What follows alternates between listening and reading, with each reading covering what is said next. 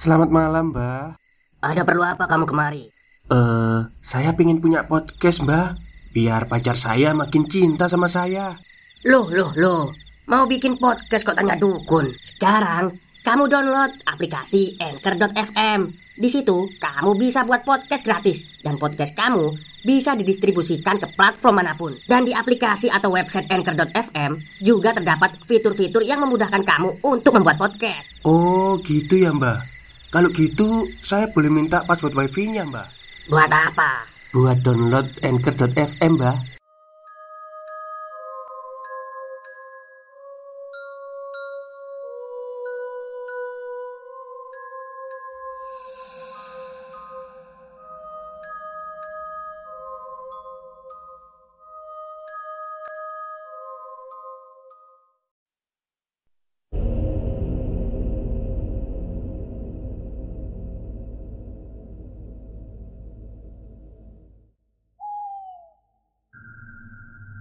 Assalamualaikum warahmatullahi wabarakatuh. Halo semuanya, jumpa lagi dengan saya Chow Sing Sing Kurator dari Podcast Horror Night Story. Halo apa kabar semuanya? Semoga kalian semua sehat-sehat ya. Dan seperti biasanya pada siang hari ini saya kembali Dan akan menghadirkan sebuah kisah mistis untuk kalian semua Kisah mistis kali ini saya datangkan dari tweet twitternya Mas Agil Saputra Tentang seorang wanita yang mati dalam pasungan. Dan setiap malam Kebiasaan-kebiasaan dari wanita ini semasa hidup dulu Sering didengarkan oleh pembantunya. Seperti apa kisahnya? Mari kita simak Gadis muda, pintar bergaul, cantik dan berkulit sawo matang. Lahir dalam keluarga priayi Bernama Kinasi. Tak seperti namanya Kinasi yang artinya kasih Ternyata Hidupnya tak serta-merta dipenuhi kasih. Narasumber Pak Sukarbin Temanggung era 60-an Kinasi waktu itu kelas 3 SMA Sebagai gadis yang cantik dan pintar bergaul Tentulah dia menjadi primadona di sekolahnya. Banyak pria-pria yang ingin memilikinya. Dia sangat populer. Tapi Kinasi bukan wanita yang mudah dipacari begitu saja butuh usaha ekstra untuk mendapatkan hatinya. Dan ada satu pria yang bisa. Sebut saja namanya Purbo. Yang sebenarnya adalah pria yang cuek. Tidak populer, namun rupawan. Tapi dia kurang bisa mengekspresikan rasa kasih sayangnya. Dan entah kenapa, Purbola yang berhasil mendapatkan hati Kinasi. Mereka pun menjalin hubungan hingga lulus SMA tanpa saling tahu latar belakang keluarga masing-masing. Sampai tiba mereka dalam usia matang untuk menikah. Sebagai anak perempuan, tentulah Kinasi selalu dituntut untuk segera menikah oleh orang tuanya. Apalagi Kinasi adalah anak tunggal. Tapi entah kenapa Kinasi tak segera mengenalkan Purbo pada orang tuanya.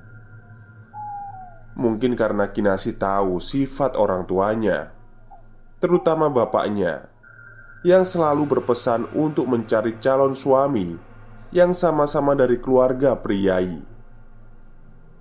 Karena Purbo hanyalah anak dari seorang belantik atau pedagang sapi, dan sekarang dia mengikuti jejak bapaknya itu. Cukup sukses sih sebenarnya, tapi tetap saja bukan dari kalangan priai, apalagi pegawai negeri. Tapi karena sudah kepalang cinta dan didesak, mereka berdua berembuk. Dan Purbo memutuskan untuk melamar Kinasi kira-kira tahun 6465. Datanglah keluarga Purbo ke rumah Kinasi. Mereka disambut dengan baik dan ramah.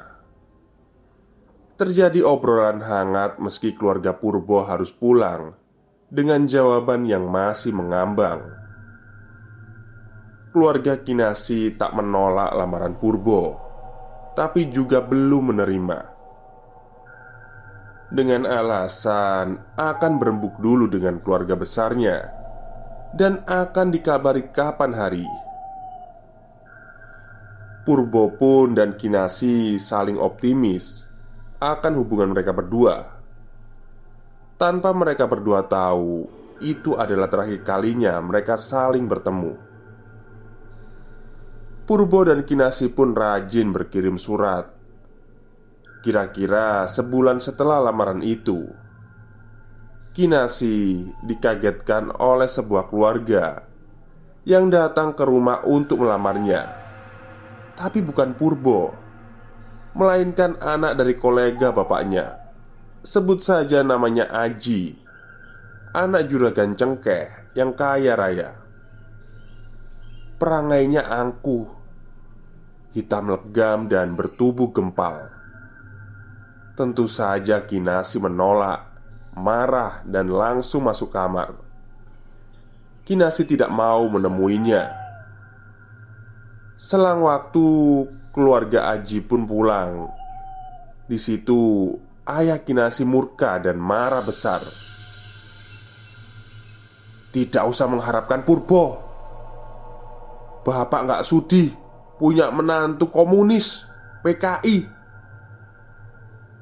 Jadi ternyata Selang beberapa hari Purbo melamar Ayah Kinasi mulai mencari-cari informasi tentang latar belakang keluarga Purbo Jadi info yang dia dapat adalah Ayah Purbo pernah ikut organisasi Sopsi Yang katanya itu adalah organisasi underbow dari PKI.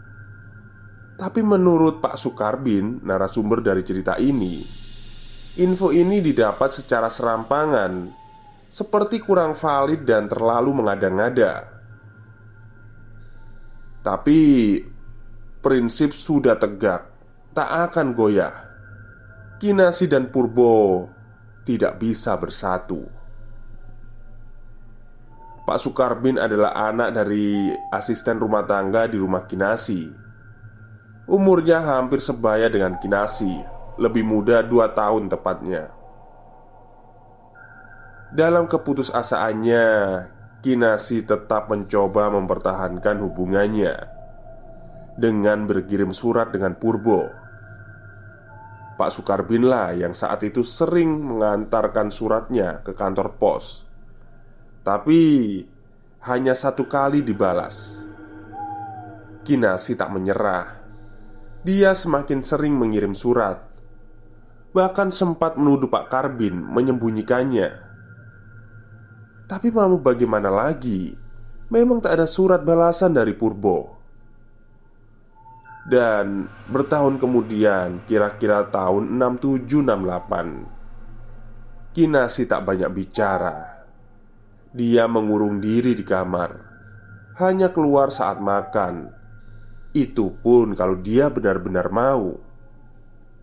Dia mulai banyak mengigau saat tidur, menangis, dan berteriak di tengah malam. Kinasi sepertinya mulai depresi. Semakin hari keadaan Kinasi semakin tidak baik. Dia mulai sering tidur berjalan Bukan berjalan lagi, bahkan berlari sambil menangis. Pernah suatu hari dia mengigau berlari melompat ke jendela dan wajahnya mendarat ke tanah. Sampai dua gigi depannya tanggal. Dia mulai sering mengamuk Mencoba melukai diri sendiri dan orang lain. Ini bukan lagi kinasi yang dulu Yang lembut dan periang. Kinasi sempat beberapa kali dibawa ke RSJ, tapi tidak ada perkembangan yang signifikan. Sebenarnya, dokter menyarankan agar Kinasi bisa dirawat di sana. Tapi karena ibu tidak tega, Kinasi dirawat jalan di rumah. Kebiasaan tidur berlari Kinasi tidak hilang, bahkan semakin sering. Walau anehnya, dia sesekali sadar dan dia sendiri yang meminta untuk diikat saja satu kakinya. Stop, stop. Kita break sebentar. Jadi gimana? Kalian pengen punya podcast seperti saya? Jangan pakai dukun, pakai Anchor. Download sekarang juga. Gratis. Setelah beberapa bulan dirawat di rumah, Kinasi sudah menunjukkan sedikit perkembangan. Walaupun masih di kamar terus, dia mulai tenang dan mau makan. Tapi selera makannya tak biasa. Setiap jam dia minta makan dengan membunyikan lonceng kecil. Itu adalah tanda Kinasi lapar. Sampai bertahun berlalu, Kinasi menjadi sangat gemuk. Semua aktivitasnya dilakukan di kamar, dari BAB, kencing, dan mandi. Hanya berkutat di situ saja.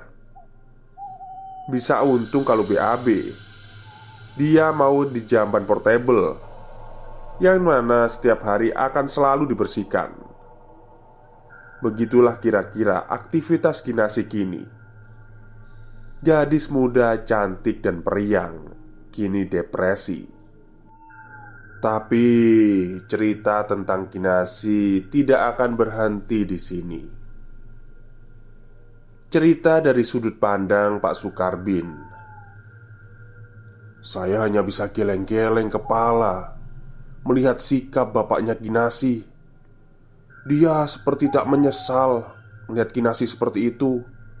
Melihat anak semata wayangnya menjadi seperti itu. Ya, beda sekali dengan ibu yang selalu terlihat sedih dan sesekali menangisi keadaan Kinasi. Jadi, sejak Kinasi depresi, saya dan Simbo itu diminta untuk menetap di rumahnya Kinasi. Kami tinggal di pavilion kecil belakang rumah yang berseberangan dengan jendela kamar tempatnya Kinasi. Saya juga disuruh bekerja di gilingan padi milik keluarga Kinasi dan sepulang kerja, saya dan Simbo bergantian untuk merawat Kinasi. Karena dari kecil saya dan Kinasi tumbuh bersama, ya kita sudah seperti keluarga. Saya pun sudah menganggap dia seperti kakak saya sendiri, walaupun saya ini anaknya pembantu Dan Kinasi adalah anaknya majikan. Dulu Waktu Kinasi masih sehat Kami sering bertukar cerita tentang apa pun. Tapi sekarang keadaan cukup memprihatinkan. Hari pun berlalu. Mbak Kinasi Begitu saya memanggilnya. Semakin hari semakin kelebihan berat badan. Nafasnya mulai terengah-engah. Pak Mantri menyarankan untuk mengurangi jatah makannya, tapi yang tidak dia tahu, Mbak Kinasi akan marah bila jatah makannya dikurangi. Seperti yang tadi diceritakan, Mbak Kinasi akan membunyikan loncengnya bila ingin makan dengan waktu yang acak, entah sore, siang, bahkan tengah malam. Suara lonceng itu kini pertanda kebaikan bagi kami. Bila dalam satu dua jam tidak ada suara lonceng, kami justru khawatir dan buru-buru mengintip lewat jendela. Dan yang saya lihat hanyalah Mbak Kinasi yang sedang melamun dengan tatapan kosong. Menurut pandangan saya, Mbak Kinasi tidak sepenuhnya depresi. karena dia masih bisa ngobrol nyambung dengan saya. Walaupun itu kadang-kadang, tapi di waktu tertentu dia akan mengamuk dan menyerang orang di sekitarnya. Dan suatu malam kira-kira jam 10 Saya mendengar suara kayu yang patah Dan suara lonceng yang tak henti dibunyikan. Saya pun bergegas menghampiri kamar Mbak Kinasi. Dan ternyata tempat tidurnya roboh. Karena waktu itu Mbak Kinasi mau BAB Dan ketika dia menggeser badannya Entah kenapa Tempat tidur itu roboh di bagian pinggirnya. Dengan satu kakinya yang dirantai Dia menangis Dengan kotorannya yang sudah terlanjur keluar Sangat menyedihkan Di situ sepertinya dia sadar dengan tangisan bak anak kecil, dia memanggil-manggil saya. "Tolong, Bin, Bin, Karbin, tolong aku."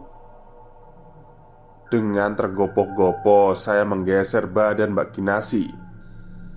Tak peduli lagi saya dengan kotoran yang mengenai baju saya. Di situ ada Simbok dan ibu yang masuk. Bapak cuma mengintip saja dari luar. Dan tiba-tiba Mbak Kinasi pun terdiam melihat saya. Dia mengambil garpu makan di sebelahnya dan menyerang saya. Saya yang belum siap tak sempat menghindar. Dan Ditancapkanlah garpu itu Mengenai pundak saya sambil dia berkata Purbo Purbo Saya pun berlari menjauh Mbak Kinasi mencoba mengejar saya, tapi tertahan karena satu kakinya dirantai. Keadaan pun mulai ricu. Saya keluar kamar. Untung garpu itu tak terlalu tajam, jadi tidak menimbulkan luka yang cukup berarti bagi saya. Apakah di situ saya marah? Tidak, justru saya semakin ibah dengan keadaan Mbak Kinasi. Saya ke kamar mandi membersihkan diri sembari menangisi Mbak Kinasi. Malang sekali nasibnya. Setelah mandi, keadaan di sana masih tegang. Tapi Mbak Kinasi sudah tenang. Sudah dibersihkan sama Simbo. Tapi dia masih menangis lirih. Saya mengintip dari jendela. Mbak Kinasi menangis mencari saya, memanggil-manggil nama saya Bin, Karbin Neng di Karbin Suruh kemari Aku mau minta maaf Ini adalah momen yang sangat emosional Saya pasti akan menangis kalau menceritakannya kembali. Kembali ke cerita. Dari jendela saya menjawab Aku di sini, Mbak. Pin, maafkan kakakmu ini ya Kata beliau. Dengan menahan air mata saya menjawab Aku nggak apa-apa kok mbak Sejak kejadian itu Mbak Kinasi menjadi lebih tenang Dan mulai bisa diajak sedikit berkomunikasi Pernah saya menyarankan agar rantai yang mengikat kakinya dilepas, tapi Mbak Kinasi tidak mau. Dia tidak mau membahayakan dirinya, apalagi orang lain. Dia selalu mengatakan ada sesuatu yang gelap dalam dirinya yang bisa saja suatu saat muncul. Hari pun berlalu, masih dengan aktivitas yang sama. Mbak Kinasi dengan loncengnya. Keadaan masih sama. Temanggung 1968 69 Satu kaki Mbak Kinasi masih dirantai Cuma karena beliau kian bertambah gemuk Mulai ada luka-luka di pergelangan kaki dan masih sama seperti dulu. Saya harus selalu sigap ketika dia mulai membunyikan loncengnya. Tapi entah kenapa akhir-akhir ini gangguan tidurnya mulai kumat lagi. Hampir setiap subuh Suara lonceng tak berhenti berbunyi. Setiap saya hampiri Beliau selalu terlihat tegang dan nafasnya terengah-engah Lagi-lagi di suatu malam menjelang subuh Kira-kira jam 3 Suara lonceng tak henti berbunyi dengan setengah kantuk, saya bergegas menghampiri. Terlihat Mbak Kinasi nafasnya terengah-engah. Sepertinya ia mimpi buruk lagi, tapi kali ini berbeda. Ia terlihat sangat ketakutan. Sambil menangis, dia berkata, "Mau sampai kapan seperti ini?" Saya tidak bisa berkata apa-apa lagi. Segera saya buatkan teh hangat untuk beliau.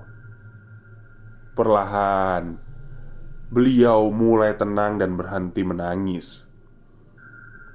Beberapa saat kemudian, dia tersenyum sambil menatap saya, mengacungkan dua jarinya, dan menepuk pundak saya sambil berkata, Matur nuwun yo Bin. Tatapannya tidak kosong Dan entah kenapa saya merasa saat itu Mbak Kinasi berada dalam tingkat kewarasannya yang tinggi